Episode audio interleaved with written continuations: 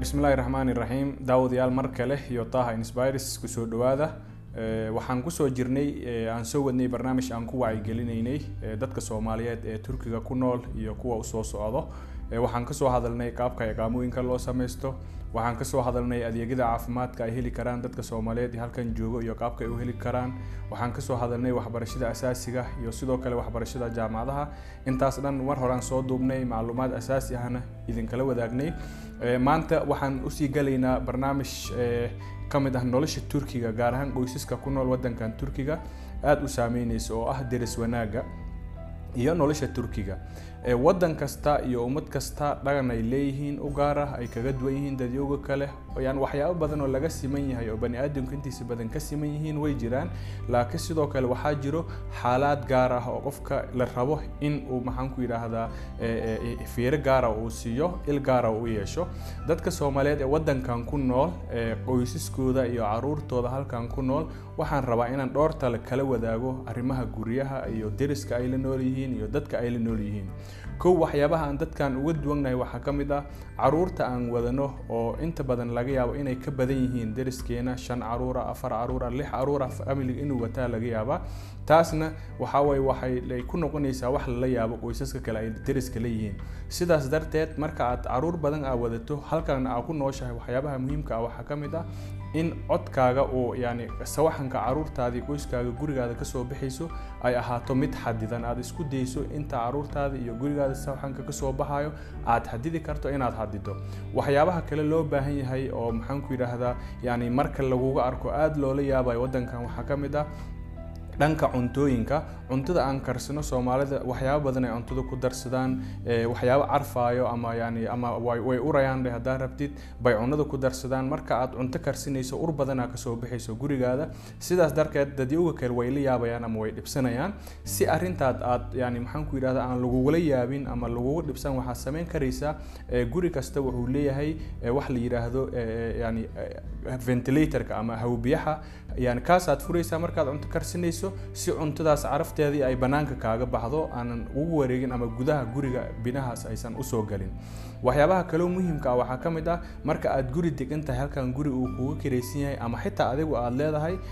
waxaa la yidhaahdaa waxaa la bixiyaa lacag loo yaqaano ay dhahaan aidaad lacagtaas waa lacag yar ay ku xiran hadba gurigaasi siduu cusub yahay iyo adeegyada ku baxa ay ku xiran tahay lacagtaas bil kastaa la iska qaadaa. Qof kasta oo dhismahaas ama buildingaas degan baa laga qaadaa. Waxaana looga talagalay nadaafada jaranjarada guriga ama liftiga la raaco iyo nalalka banaanka in qarashkooda lagu bixiyo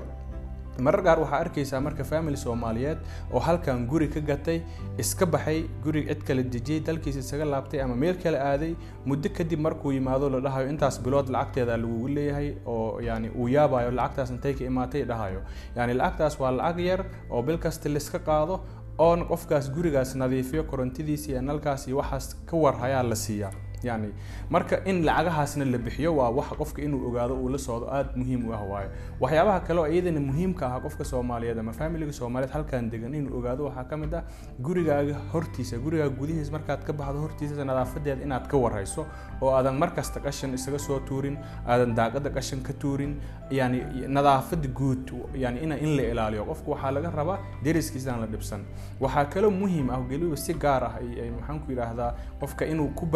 baraarugsanaado ay tahay xiliyada fasaxa maalmaha usbuuc fasaxa la tahay hadda wadankan maalinta sabtiga iyo hadday fasax yihiin oo shaqooyinka rasmiga ah fasax ka yihiin sidaas darteed maalmahaas waxay u yaqaanaan maalmaha nasashada